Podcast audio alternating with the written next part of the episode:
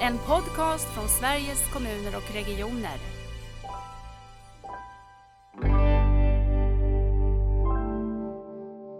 Det finns alltid några som vill prova, eh, testa och lära sig något nytt och som vill gå före och de får man knyta till sig.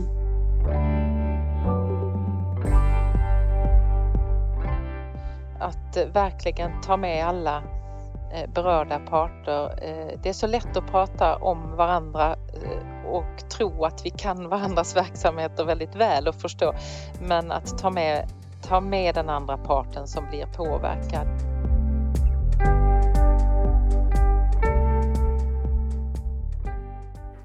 Välkommen till det här avsnittet av Nära vårdpodden. Idag har vi förmånen att ha besök av Ingela Sunneskär och Karin Scharl som båda har erfarenheter av eh, mobila arbetssätt. Så välkomna hit! Tack! Tack. Och ni befinner er på västkusten. Hur är vädret en sån här dag idag? Det är första juni idag när vi spelar in. Ja, det är strålande sol och varmt och gott ute. Så det mm. är en känsla av att det snart är sommar. Ja. Har ni samma utsikt eller finns ni på olika platser i den stora eh, regionen Västra Götaland? Ingela, var finns du någonstans? Jag sitter på mitt kontor i Bollebygds kommun och tittar ut över ett soligt torg. Härligt. Och Karin? Jag sitter på Södra Älvsborgs sjukhus som ligger ganska centralt i Borås. Just det. Och jag kan rapportera från Norrbotten att här är också vädret soligt och jättehärligt. En riktigt varm dag, så det känns ju fantastiskt.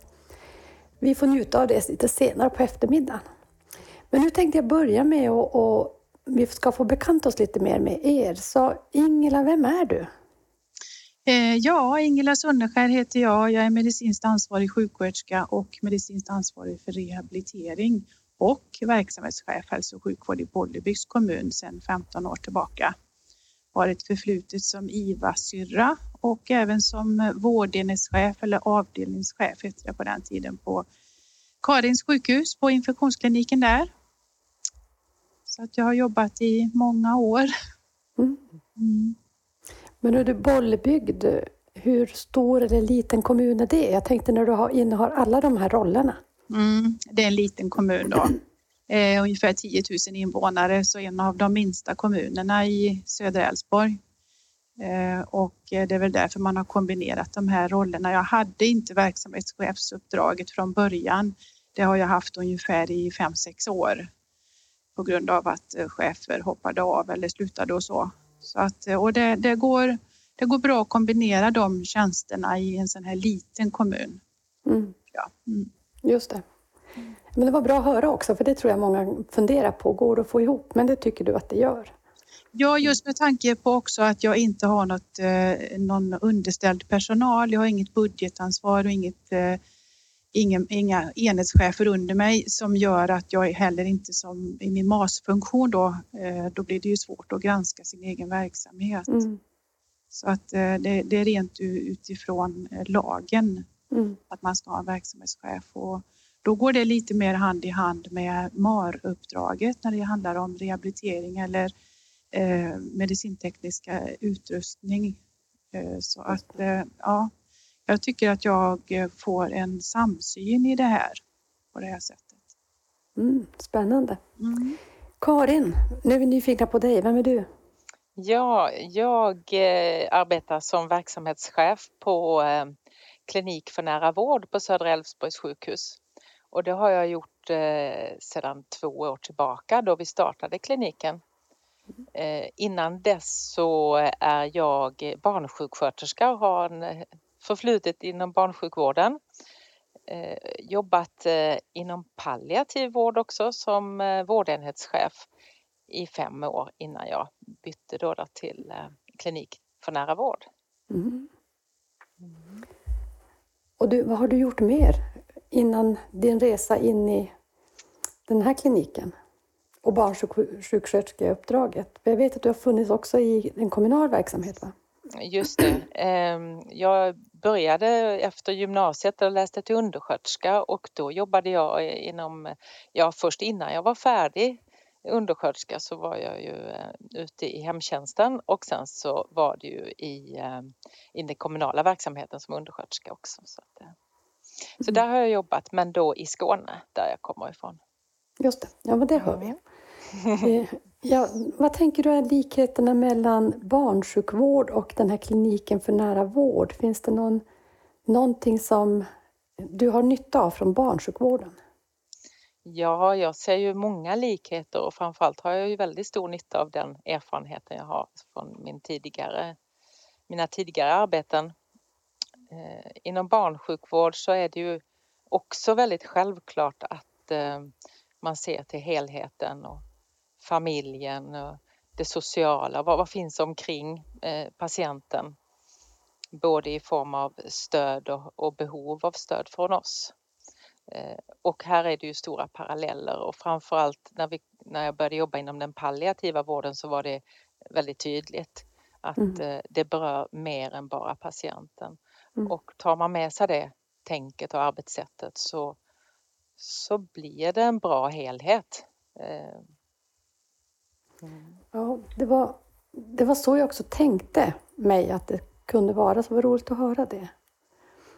Ingela, du sa lite kort om ditt arbete och din eh, roll. Kan du säga någonting mer kopplat till eh, hur kopplar det här ihop med, med Karins arbete och med eh, det som ni jobbar med mer mot de mobila arbetssätten? Jo, det är ju Karins eh, team från sjukhuset som vi arbetar ihop med i eh, nära vård, eh, närsjukvårdsteam och NAV-teamet som Karin har startat som det senaste teamet. Och sen är det ju även gentemot vårdcentralen, då, primärvården i mobil hemsjukvård. Så det här har vi gjort i samverkan, i närvårdssamverkan i södra Älvsborg. Och där har vi ju de här kontaktytorna. Vi har en god samverkan och vi har lärt känna varandra. Så att där möts vi mm. i de frågorna. Hur, hur länge har ni lärt känna varandra? Hur länge har det här pågått? Det samarbetet och arbetet? Ja, Karin och jag har ju egentligen inte känt varandra så länge. Du kom för två år sedan sa du, så det är väl ungefär två år. Mm. Annars så är det ju andra personer inom sjukhuset som, man, som jag har stött på tidigare. Eh, jag tror att vi började med närsjukvårdsteam runt 2014. Mm. Eh, och eh, ja, då var det andra personer som var med. Men det betyder ju också att samverkan på något sätt kan fortplanta sig även om man byter individer som man alltid kommer att göra i verksamheter. Absolut. Ja, absolut. Och processerna ändras ju hela tiden. Det är nya utmaningar, det är nya idéer i och med att det kommer nya människor in och, och andra, eh, inte andra krav, men nya krav eh, och förväntningar som finns nationellt och delregionalt och regionalt så att eh, det utvecklas ju och mm. förstärks tycker jag, den samverkan som vi har. Mm. Karin, jag tänker den här kliniken som du nu är ansvarig för, spännande med, med namnet och så, men vad, vad, finns det för delar i den? Vad innehåller det här ansvaret? Mm. Eh, kliniken startades ju då för två år sedan just för att få förändringskraft inom Eh, för den här omställningen mot nära vård. Mm. Och då funderar man ju lite grann på, jaha, vad ska den innehålla? vad är det för verksamheter som är nära anknutet idag som skulle kunna vara ett flaggskepp för omställningen? Och då eh, har vi ju den eh, närsjukvårdsteamen som ingår i kliniken. Vi har också de palliativa teamen eh, inom kliniken. Sen har vi något som heter ART, som står för andningsresursteamet. Det är också mm. ett team som arbetar ute mobilt eh, och möter patienterna i hemmet. Så väldigt liknande arbetssätt som palliativa teamet och närsjukvårdsteamet. Men vi har också en enhet som egentligen inte har egna patienter men som jobbar sjukhusövergripande med eh, vårdövergångarna. Mm. Alltså utskrivning, inskrivning Eh, som är bryggan mellan sjukhuset och eh, kommun och primärvård. Mm. Mm. Spännande med den kombinationen. Vet du varför det landade just på de här verksamheterna? Hade ni, var du med i den processen att bilda själva kliniken? Nej, jag var ju inte med i själva skapandet utan eh, det skedde ju innan jag kom in. Men eh, tanken var just att det här arbetssättet som de mobila teamen har idag. Vi har också en slutenvårdsavdelning kan jag säga i kliniken. Mm. Men det, det, det, är ju väldigt i likhet med nära vård. Mm. Det går i den linjen och eh, därför så valde man den konstellationen som är idag. Då, då. Just det. Vet du Ingela, var ni med från den kommunala sidan att fundera på vad ett sånt här team behöver innehålla eller? Nej, ja innehålla det kanske vi var med och skapade i och med att vi hade en processgrupp för detta i, i början eh, och det tog också tid innan, innan den fick någon styrfart. Mm. Men jag skulle vilja återkoppla till det här med, med kliniken som bildades. Det har blivit så hemskt mycket bättre för oss i kommunerna för att nu har vi en klinik att vända oss till. Förut hade vi ART-teamet på lungkliniken och vi hade rehab när det gällde vissa patienter. Närsjukvårdsteamet låg någonstans, jag kommer inte ihåg var man startade det. Så att det är mycket lättare för oss att vi har en väg in mm. och en väg ut naturligtvis. Mm. Mm. Ja, det förstår man verkligen och då blir det också samma arbetssätt för annars kan jag tänka mig att om man har många olika att vända sig till så ser också arbetssätten och vad säger, kulturen lite olika ut. Mm. Så man ska ju möta på det sättet blir det inte riktigt teamsamverkan på samma sätt. Nej, det blir inte det. Man fick ju jaga olika människor. Så att nu är det ju nu är det lättare, mycket lättare. Mm. Eh, Karin, när man tänker på de här olika enheterna som du har i din klinik, vad är det för personer, för professioner som arbetar hos, hos dig i de här olika teamen? Mm, vi har, eh, man brukar kalla att ett team består av en läkare och eh, två sjuksköterskor. Eh, och förutom det så har vi ehm, eh, apotekare, mm. vi har kurator, vi har en dietist. Nu är inte de anställda under kliniken men de är knutna till teamet. Eh, så vi ser dem som vårt team. Ehm, och sen så har vi naturligtvis en stor grupp som är vårdadministrativa som är jätteviktiga för oss för att hålla ihop det här. Utan dem så skulle vi eh, inte hålla ihop så bra heller. Mm. Om man tänker det närsjukvårdsteamet, om vi skulle titta lite extra på det. Är det samma där, en läkare, två sjuksköterskor, de här resurserna från din sida?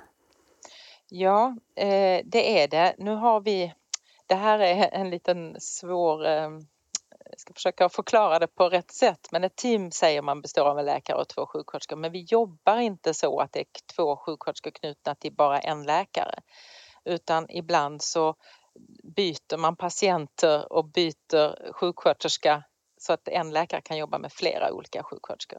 Mm. Så det är inte så strikt så. Och sen är det en del besök som sker bara av en sjuksköterska och bara av en läkare. Så att, eh, mm. Mm. Och jag har förstått att när man tänker när man kommer hem till, för vilka patienter är det ni möter i det här närsjukvårdsteamet? Där har vi egentligen de mest, säga, mest svårt sjuka och äldre mm. i samhället. Eh, de som har ett eh, komplext sjukdomsbild med många vårdkontakter där det inte är så lätt att hitta rätt i, i det, vårt eh, vårdsystem. Eh, som söker många gånger eh, till vården, både eh, till primärvården men också till specialistvården. Ofta är de kända hos Ingela också i kommunen. Eh, där man behöver en samordning, någon som ser till helheten och inte bara tar sin del. Ja, det. det. är väl det som är... Mm.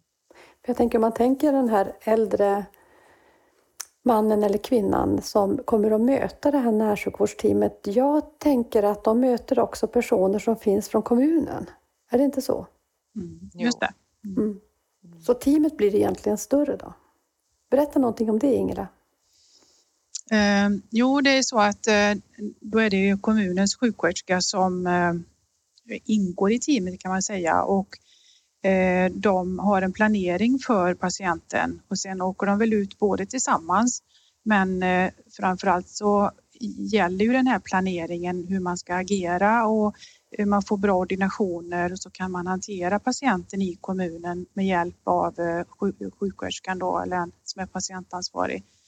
Och då alltså får man ju jobba både gentemot läkaren och sköterskan i närsjukvårdsteamet men också på eget, eget ansvar gentemot mm. patienten i hemmet.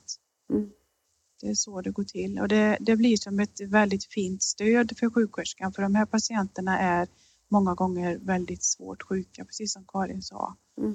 Och eh, man kan hålla ihop det och det gör att det blir en trygg vård. Även för närstående. Just det. Mm.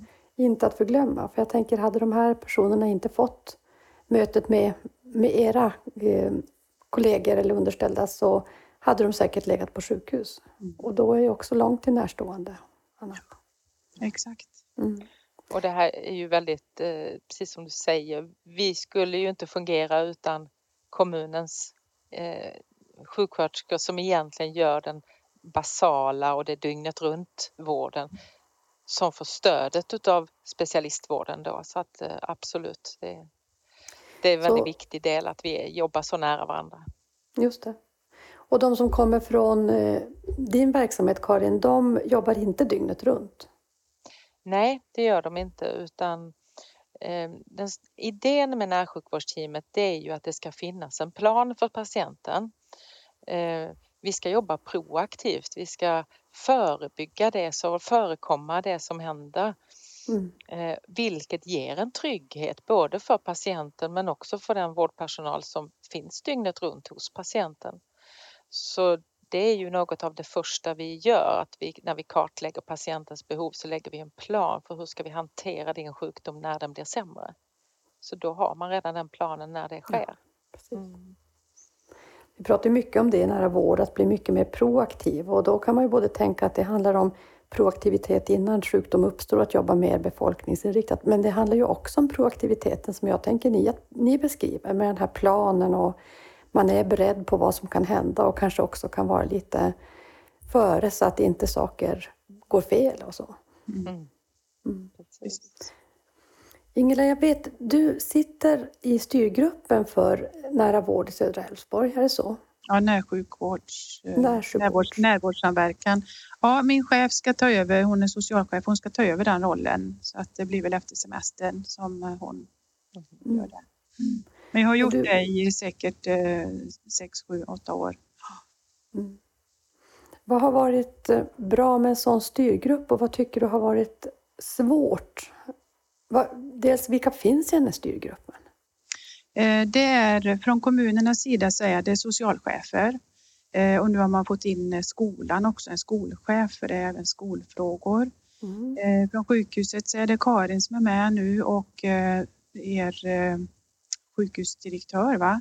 Ja. Och eh, från primärvården så är det primärvårdschefen här i södra Älvsborg, både privat och offentlig verksamhet. Det är vi som sitter där och sen är även Boråsregionen med, alltså kommunalförbundet för de åtta kommunerna i vårt område. Mm. Eh, vad som är bra det är väl att vi får mötas och eh, diskutera det som är viktigt, det som gör att vi kan komma framåt gemensamt. Och just när vi tog fram närsjukvårdsteamet så tror jag vi började 2014 sa jag väl och vi trevade oss fram under en väldigt lång tid. Eh, det var tror jag flera personer som man bytte ut med de första åren för att man, man kom ingenstans och man fick ta nya tag och till slut så kom vi fram till att vi behöver nog ha en egen liten styrgrupp i styrgruppen som mm. jobbar specifikt med de här frågorna att ta fram en bra plan för närsjukvårdsteamet. Eh, och då var jag med i den lilla styrgruppen också och då jobbade vi ihop med en processledare som ledde oss i arbetet, vilket behövdes. För vi kan inte göra saker och ting själva för då gör vi det på vårt eget sätt i våra egna organisationer. Och vi behöver ha en gemensam organisation eller ett gemensamt tänk när man eh, bildar det här. Det blev väldigt bra och det blev uppföljningar. Mm. Ja, vi löpte linan ut. Och vi såg ju det, Karin, väldigt tydligt när vi försökte få in eh, NAV-teamet i eh, närvårdssamverkan att det gick inte lika bra. Man, eh, man hakade inte på i alla kommuner men Borås och Bollebygd ville gå in i pilot. Och sen är det nu efter flera år som vi försöker få det i samverkan i nära vård för att vi förstår att det här är bra för Mm. oss och för patienterna. Så att det är väl den här styrningen som behövs faktiskt för att det ska funka. Intressant. Vad tänker du Karin? Du har, sutt, har du suttit i styrgruppen sedan du kom in som, som chef för verksamheten? Eller? Eh, nej, jag är helt eh, ny i styrgruppen. Jag hade mitt första möte i fredags där så att det var helt nytt för mig. Mm. Ehm, jag skulle bara säga att NAV-teamet är eh, det akuta teamet vi har. Vi har Ja. ett team som jobbar lite mer akut, som inte jobbar med eh, patienten på samma långsiktiga sätt utan gör akuta insatser. Så att det var det Ingela berättade om. Eh, och det implementerade vi, startade vi för två år sedan. Eh, och det är fullt igång men vi har inte riktigt nått i hamn än just på grund av det här som Ingela sa att vi, det var, ingick inte i närvårdssamverkans under projekt där utan det, det gjordes liksom vid sidan om och då blev det inte lika bra. Men Nej. eh, nu är vi på gång och snart är vi i hamn där med. Men nej, jag tycker det är spännande med närvårdssamverkan. Det var som sagt mitt första möte men eh, det är väldigt roligt och man känner att det är ju tillsammans vi kan få förändringskraft. Mm. Eh, är man in, det är frågor som inte tas upp där, de blir ju heller inte implementerade fullt ut i allas, i alla, hela nätverket. Nej. Mm. Och jag tror, är ni åtta kommuner och, och ett drygt, ja nästan 25 vårdcentraler eller? Stämmer det? Mm. Ungefär. Mm. För det är ju också en, ganska en, en eh, mindre region kan man säga med så pass många kommuner också det, som ni har. Jag tycker det var intressant det du sa Ingela om det här att man behövde någon processledare. Eh, Och då tänker jag på att vi är så tränade i att göra som vi alltid har gjort. Det är svårt att ta sig ur omloppsbanan till en annan på något sätt, ett annat sätt att leda och tänka och, och eh, därmed göra. Tänker du också så Karin och vad är dina reflektioner på ledarskap? Hur leder man något sånt här som ändå är ett nytt sätt att tänka hälso och sjukvård? Både mer proaktivt, det gemensamt, det är inte i våra trygga lokaler, det är någon annanstans. Vad krävs av ledarskapet? Ledarskapet krävs ju en del öppenhet skulle jag säga för, för nyheter och nytänk. Men också ett stort mod att Mm. våga prova detta för det här är ju egentligen ingenting som det finns något eh, rätt och fel och facit i utan vi måste prova om vilket som fungerar. Eh, Och, och det, det ser man att det, behövs eh, ett mod här för vi måste våga också misslyckas lite för att lyckas. Ja, precis. Mm.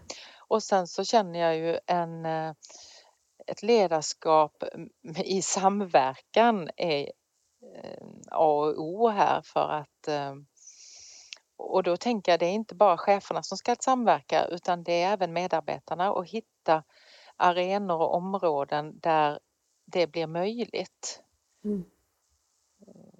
Det tror jag är en viktig nyckel till att få det att lyckas eh, så att alla tänker samma och får samma möjligheter till att tänka nära vård. Men har ni fått särskilt frihet då? För jag tänker, ni har ju också någon, ni har en politisk beställning, ni har ju också chefer över er. Det här med att misslyckas, det tänker jag det är något viktigt i det där. Hur ska vi våga testa nya arbetssätt om vi, om vi ska helt, helt hundraprocentigt veta att de kommer att funka? Då är de inte särskilt nya. Men vad finns det för tolerans i era organisationer för att, för att misslyckas? Vad, hur ser beställningen ut till er? Om du börjar Karin. Mm. Eh, misslyckas? Jo, eh, jag tänker så här att man får ju prova i så pass liten skala att man inte kan misslyckas så stort. Mm. Att märker man att det här fungerar inte så får man ju backa. Men man måste våga prova i alla fall och där tycker jag det finns en acceptans för att händer det ingenting, ja då, då misslyckas vi ju verkligen. Så att eh, det försöker jag ta med mig. Just det. Jag fortsätter man göra som man alltid har gjort då får vi samma resultat och då kan ju det vara ett misslyckande i sig. Tänka mm. så. Ingela, vad tänker du det här med beställning och vad behövs finnas ovanför den som driver verksamheten för att det här ska gå? Hur gjorde ni? Alltså, vi fick ju tydligt eh, tydliga direktiv ifrån politiken att vi skulle införa det här med närsjukvårdsteam och mobila hemsjukvårdsläkare som man hade gjort i västra Skaraborg. Så vi tittade mycket på dem. Men jag tror att det viktigaste är att tänka på att det är ett lärande hela tiden. Det är mm. processer som utvecklas hela tiden och att vi måste hjälpas åt och att vi får acceptera, precis som Karin sa, att ibland misslyckas vi. Men om man hittar de där eh, guldkornen eller chokladklumparna som man pratade om på, mm. på SKR, att det finns alltid några som vill prova, eh, testa och lära sig något nytt och som vill gå före och de får man knyta till sig eh, så att man vågar komma igång och så lär man sig och så utvärderar man och så går man vidare. Mm. Då utvecklas vi. Mm. Har det svår, varit svårt att hitta sätt att veta om ni når de effekter? Hur visste ni vad ni ville nå? Vad, vad var målet någonstans? Ja, målet var ju att det skulle vara en trygghet eh, och en samordning i vårdandet för de som fanns runt patienten. Men vi hade ju en väldigt bra processledare och eh, vi tog fram enkäter och under de åren så var mina svärföräldrar gamla, väldigt gamla eh, och sjuka så att jag testade ju de här enkäterna på dem. Mm. Och sen gick vi ut i stor skala och frågade våra patienter som vi hade haft i närsjukvårdsteamen. Så att det var ju en process med det också. Att eh, eh, följa upp, att ha ett mål. Vi hade avstämning och nästan till läxor varje månad.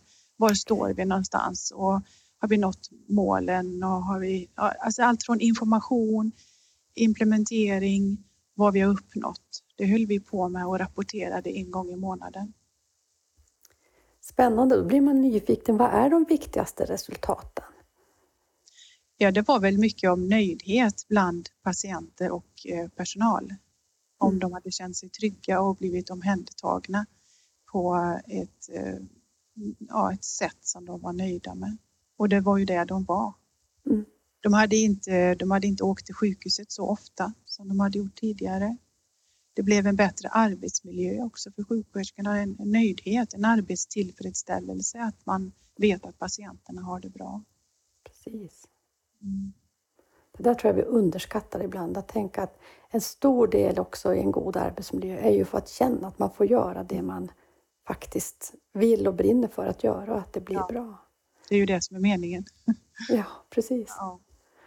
Eh, jag, tänker på en, en eh, rapport som Vårdanalys har gjort för ett antal år sedan. Det var någon, man intervjuade verksamhetschefer, men då var det också någon företagsledare, för man tittade lite på andra chefer i andra strukturer som sa att men ni sitter ju på sånt otroligt kapital av att er verksamhet har en så stark bas i, i att vilja göra någonting för någon annan.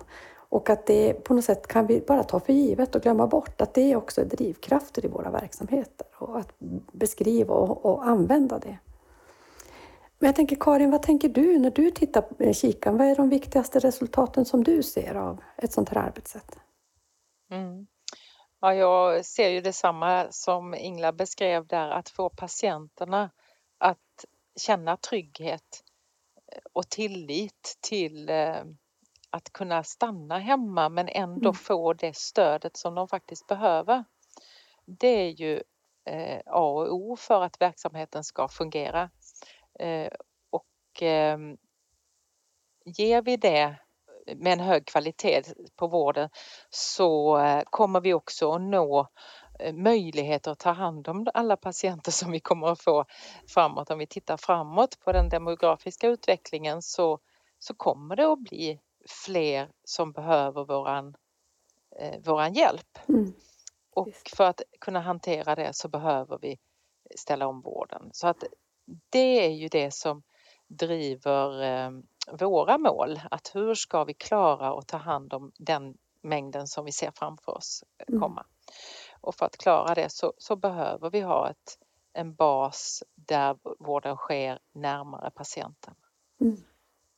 Om jag tänker, jag kan få frågor som både återkommer och som jag tänker ligger där vågskålen om att eh, jag kanske är den mer oroande vågskålen när man tittar på sådana här arbeten och kanske ska in i dem. Och det ena eh, Eh, är det här att eh, som invånare, patient, eh, känna sig trygg med, inte känna att nu ska jag inte få komma till sjukhuset om jag behöver.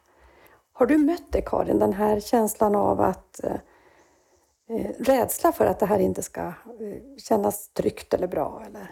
Mm, ja, men jag har ju, det har vi ju sett många gånger i vården, tror jag, vi som har jobbat i vården, att man har en otrygghet i att komma hem, hur ska det bli?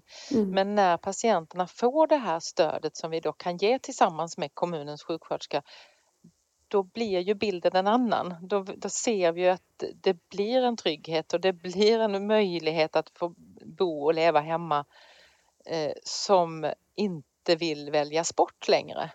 Nej. Så att det handlar ju om trygghet och otrygghet. Så att, eh, och det är väl det som är eh, starkt drivande inom en, att se att det här faktiskt gör sån god patientnytta, Mm. det arbetssättet vi har. Mm. Jag tänker också patienternas berättelser, att kunna få ta del av dem på något sätt, om det är citat eller om det är någon som vill berätta, tror jag kan ha stor betydelse för att också skapa trygghet i en befolkning när vi ska ändra våra strukturer och våra sätt att jobba med hälso och sjukvård, där ofta sjukhuset är på något sätt eh, någon typ av vad ska jag säga, monument för, för den här tryggheten. En annan sån här äh, som ligger lite i orosskålen, eh, det som jag möter ganska ofta, det är att det här blir en övervältring på den kommunala hälso och sjukvården. Att det här kommer att kräva mycket mer resurser och vara tungt för den kommunala hälso och sjukvården. Vad är dina erfarenheter, Ingela, av det? Hur känner du igen det? Ja, jag känner väldigt väl igen det och det är ju det, den föreställningen som vi har haft hela tiden. Mm. eh, Att eh, regionen vältrar över på kommunen och eh, jag tror att det är en mognadsprocess och jag känner ju att den här utbildningen som vi har gått nu på SKR när det gäller Mm. nära vård har gjort att man har fått upp ögonen och förstår. Och jag tror att det är väldigt viktigt att vi sprider den kunskapen i våra organisationer. Att det handlar inte eh, längre om de olika organisationerna utan hur vi ska närma oss patienterna och deras behov eller medborgarna. Mm. Och vad vill jag själv som medborgare? För jag bor ju också i en kommun. Så det gäller ju inte bara de gamla sköra äldre utan det gäller ju alla eh, som någon gång behöver hälso och sjukvård eller kommunal omsorg eller till och med barnen i skolan eller någon behöver kanske ekonomiskt bistånd. Allting går i, ihop eh, i alla familjer Mm. i samhället. Så att jag, jag har fått upp ögonen och förstår att det här är någon, en väg vi måste gå för att spara på de resurser vi har. Men också för att det ska bli smidigt för oss som medborgare att vi vet vart vi ska vända oss när vi behöver hjälp. Mm. Mm. Det är inte bara att åka till sjukhuset för att eh, då tar de hand om mig.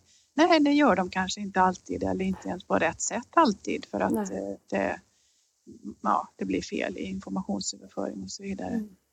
Så jag tror inte att det blir en övervältring och vad jag ser nu också det är att man, man går mer hand i hand med kommunerna nu. Nu gör vi det här tillsammans. Mm. Och när kommunerna behöver det stödet, då finns vi tillgängliga. Mm. Så, så ser vi på det. Mm. Jag tycker det är roligt, vi har ju tagit del också av den här... vi, vi har bett eh, eh, Leading Healthcare och Dag Norén hjälpa oss med att beräkna också nya sådana här sätt att arbeta med nära vård. Just för att skapa trygghet i, men också lära oss såklart om vi ser att vi får effekter som vi inte mm, ja, har trott eller inte kunnat förutse. Men just när man har utvärderat just eh, närsjukvårdsteamen i södra Älvsborg så tycker jag också det är spännande det här med när man tittar på, på hur mycket tid som vi kanske använder just för att jobba i mellanrummen eller få ihop mellanrummen när vi inte har ett systematiskt sätt att jobba med teamsamverkan. Att sjuksköterskor i den kommunala eh, hemsjukvården får lägga oerhört mycket tid. Jag tror att han har uppe siffror som mellan 20 till 50 procent av sin arbetstid bara på strulfaktorer. Att hitta läkemedelslistor, att få kontakt med, med läkare eller vad det kan vara. Och det här får man inte heller glömma bort när man värderar både arbetsmiljö men också effekter. Mm. Och det tänker jag också att det var ju redan Göran Stiernstedt i sin första utredning om effektiv vård sa att det är ju egentligen inte resursbristen. Det är hur vi får, eh, förmår att sätta ihop våra resurser och använda dem på ett bra sätt. Så att det tycker jag är så starkt i det här, att det är ju verkligen ett vinna-vinna koncept. Ni ser mycket mer av trygghet hos patienterna, bättre arbetssituation, men också ett bättre resursutnyttjande. Så att, eh, det är ju så mycket vi har att lära.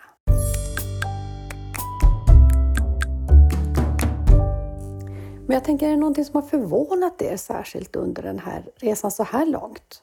Ja, eh, det som förvånar mig det är ju, eller det kanske inte förvånar mig så, men min upplevelse är ju de här organisatoriska gränserna som hindrar oss från att jobba eh, på ett eh, sätt som stödjer nära vård. De ekonomiska gränserna tänker jag mycket på mm. också. Mm. Och det är synd, men jag tycker ändå att det börjar mjukas upp och en förståelse. Ju mer vi förstår att eh, jobbar vi tillsammans så kommer vi vinna på det allihop. Eh, men mm. det finns där fortfarande, det tycker jag. Mm.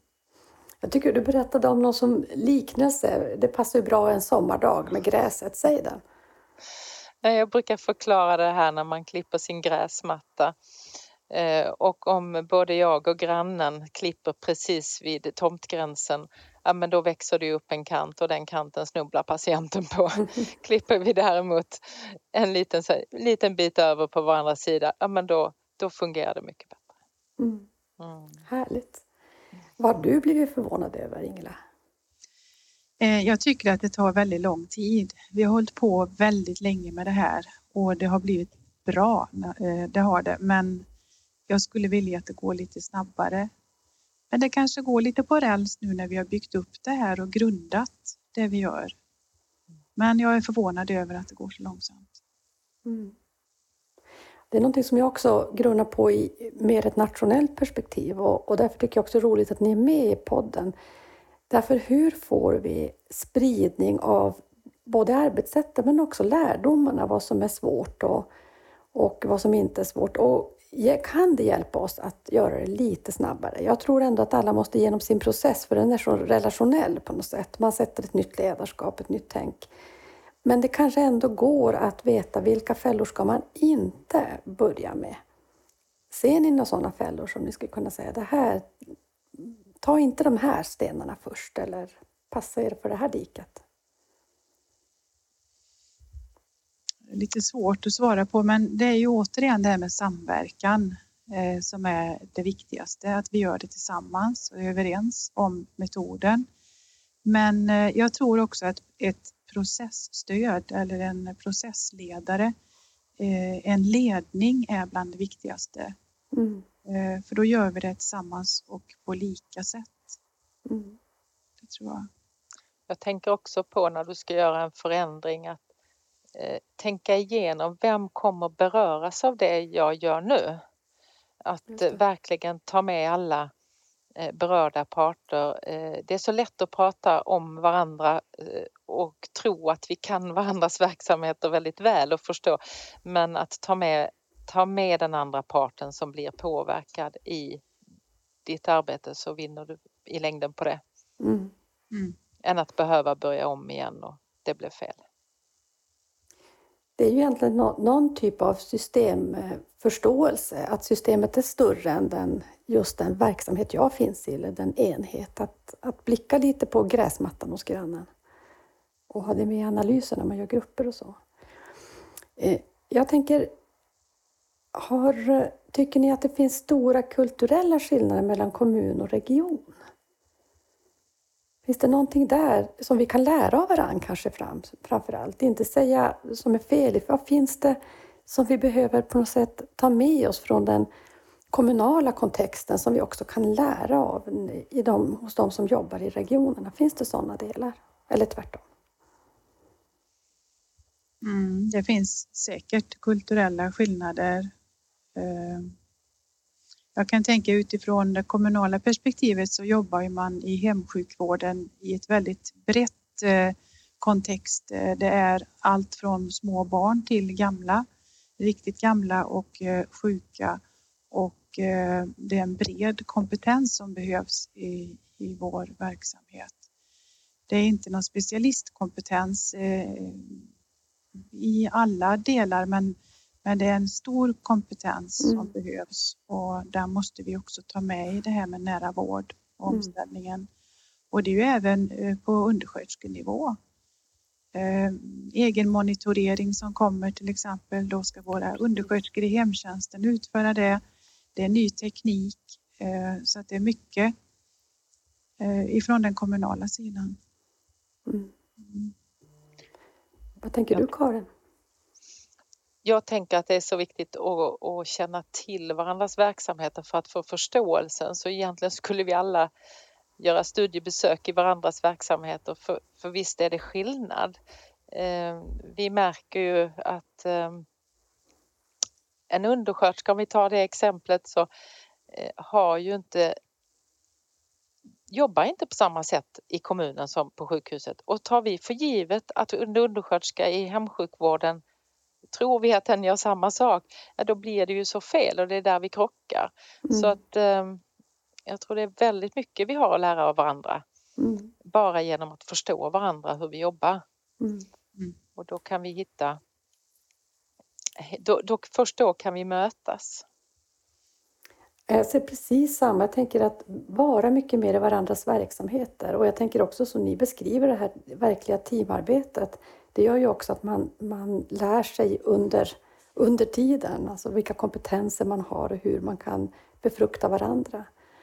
Jag tycker också att det vore spännande, jag vet inte, har ni studenter i era verksamheter? Jag tänker de som har läkarstudenter, sjuksköterskestudenter, arbetsterapeuter, undersköterskor. Eh, så finns de i era verksamheter och vad säger de? Karin, du nickar.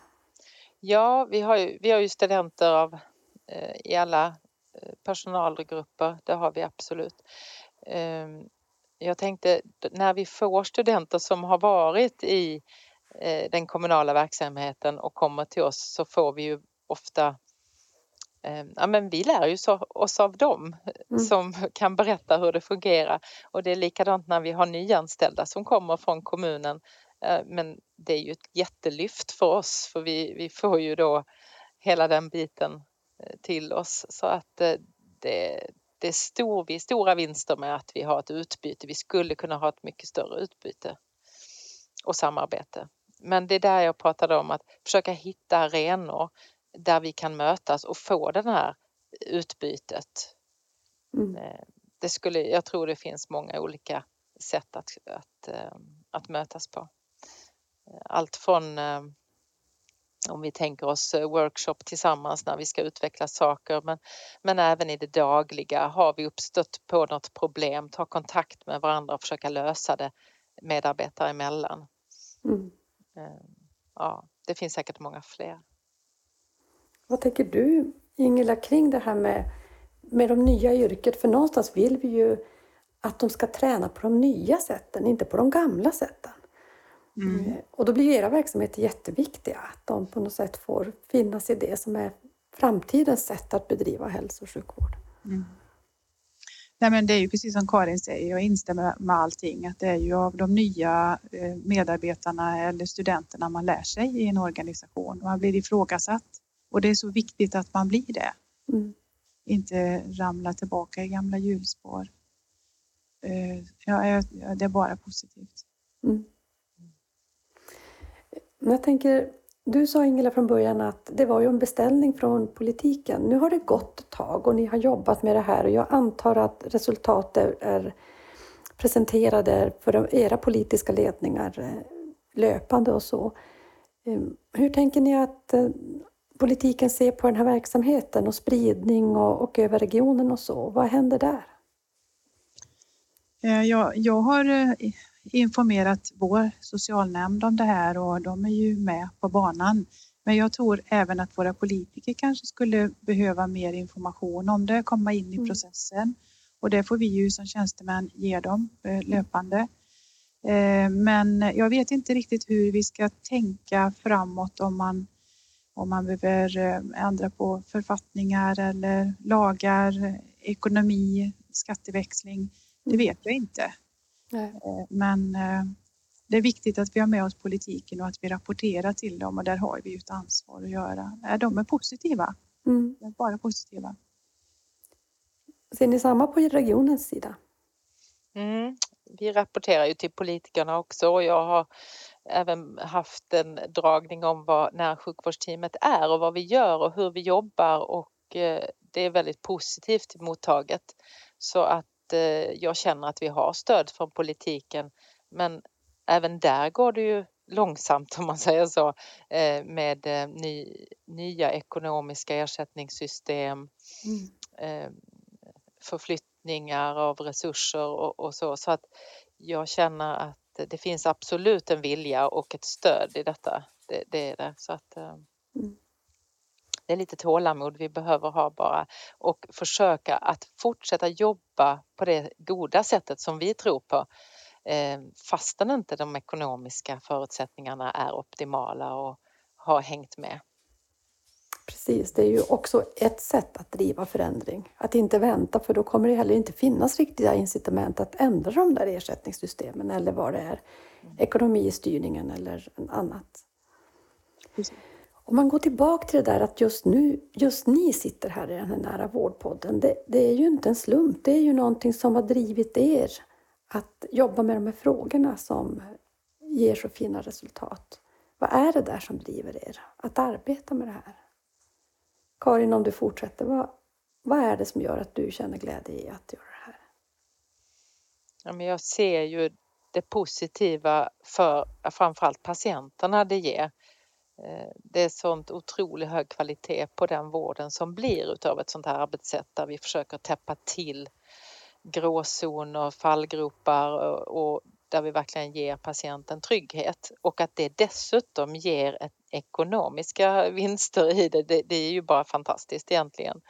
Eh, men också arbetsmiljö och medarbetare som jobbar med det här arbetssättet där man ser en sån tillfredsställelse så, så är det svårt att tänka att man ska gå tillbaka till det här eh, andra arbetssättet om vi nu säger det gamla med det organisatoriska gränser och jag gör mitt och sen så får någon annan göra resten. Mm. Eh, Det vill man ju inte när man har sett det här goda Nej. resultaten.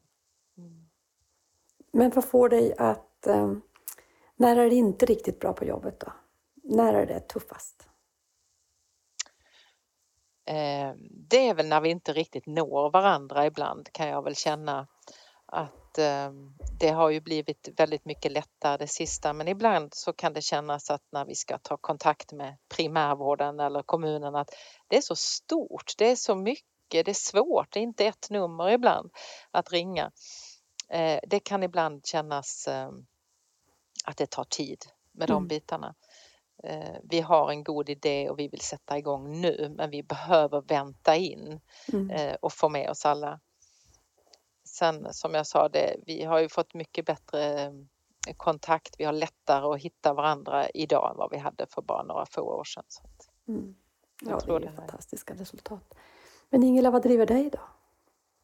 Det är samma som Karin. Det är att se att det blir bra för patienten, närstående och för personalen. Eh, och eh, att vi inte har de där organisatoriska gränserna. Sen tycker jag att det är väldigt stimulerande med utveckling och man ser att man går framåt i verksamheten och, och när man ser på resultat och hör på medarbetare som är lyckliga över att de har gjort ett bra jobb och, och gjort sak, bra saker. Jag känner ju att vi går i otakt ibland och precis som Karin säger, det är svårt att och ibland ta kontakt och det är väl den där otakten och att man får ha tålamod just för att eh, få de där resultaten. Det är också träning i det. Mm. Mm. Men det, ja, det har blivit bra. Är det vi ska börja avrunda, men jag tänker, är det någonting ni vill berätta om? Det här tycker jag är viktigt, eller det här har vi inte fått prata om, eller det här vill jag att man ska veta ute i vårdsverige när man nu funderar på vad ni har gjort och vad man ska göra själv. Jag kan ju säga eller erkänna att det inte bara har varit enkelt det här jobbet. Eh, ibland har man stött på patrull och motstånd. mm. eh, blivit ifrågasatt att det kostar för mycket och hur kan man göra så här och ska vi inte använda våra skattemedel till något bättre? Eh, man vältrar över på kommunen och eh, alltså det, det, det är överallt ifrån som den här kritiken eller mm. Ja, ifrågasättandet kommer så att det är inte bara från medarbetare ute på golvet som arbetar utan det, det är överallt ifrån. Och det är så. Det, det, det är också en process man ska igenom och det vill till att man har bra argument och eh, eh ja, står stadigt. Mm. Så funkar det. Var hämtar du det stödet då? Och dina argument? Jag tror att vi gör det i samverkan också och sen finns det ju medarbetare och enhetschefer som driver de här frågorna också och vi gör det tillsammans. Eh, och det gör ju att vi kan göra arbetet tillsammans. Det här är inte något som jag har gjort själv utan det är ju alla i, i min förvaltning som är berörda som har gjort jobbet tillsammans och det är jätteroligt. Mm. Så där stöttar vi varandra. Mm. Mm. Har du något Karin som du känner att det här skulle jag vilja säga? Ja, eh, nej, jag kan ju säga som så att de sista två åren jag har jobbat nu, de senaste två åren, så eh, det har varit en jätteresa för mig. Eh, nära vård, jag visste nästan inte vad det betydde för det första. Jag, eh, det har jag fått eh, vad ska jag säga, det, det, har klarnat för mig mer och mer. Mm. Och eh, det sista så eh, det blir bara roligare och roligare att jobba med den här, de här frågorna när man märker att eh, det är fler som eh, vi gör detta tillsammans. Vi ansluter fler och fler till det här arbetssättet och vi ser att det ger resultat. Så mm. att nej, det har varit en fantastiskt rolig resa, det är det. Mm. Så här långt så att eh, jag hoppas vi har en resa framåt som blir lika utvecklande som det har startat. Ja, det är jag säker på att ni har och jag tycker det är något spännande i det här att eh, jag tror att det ni har gjort och mycket i Västra Götaland som har gått mycket före i de här frågorna det håller också på att etablera sig mer. Vi brukar prata om storskalig spridning, i alla fall spridning, för nu börjar ju många, många jobba med mobila arbetssätt. Så jag tänker också att vi ser en rörelse som är, det är inte enstaka projekt, det är någonting man strävar efter mer nu, hitta de här arbetsmetoderna och där är ni ju jätteviktiga med era berättelser. Jag tänkte sluta med att eh, fråga vad ni lägger i ordet nära. Eh, vad betyder nära för dig, Ingela? Eh, nära betyder att jag har min familj Eh, nära mig. för Det är de som är livet för mig. Eh, och om man tittar på vårdkontakter och, och, nära vård så kan det också vara olika. Det kan vara för min del att jag kan ta mig till sjukhuset men för min gamla mamma så kan det vara att, bedriv, att vården bedrivs i hennes hem.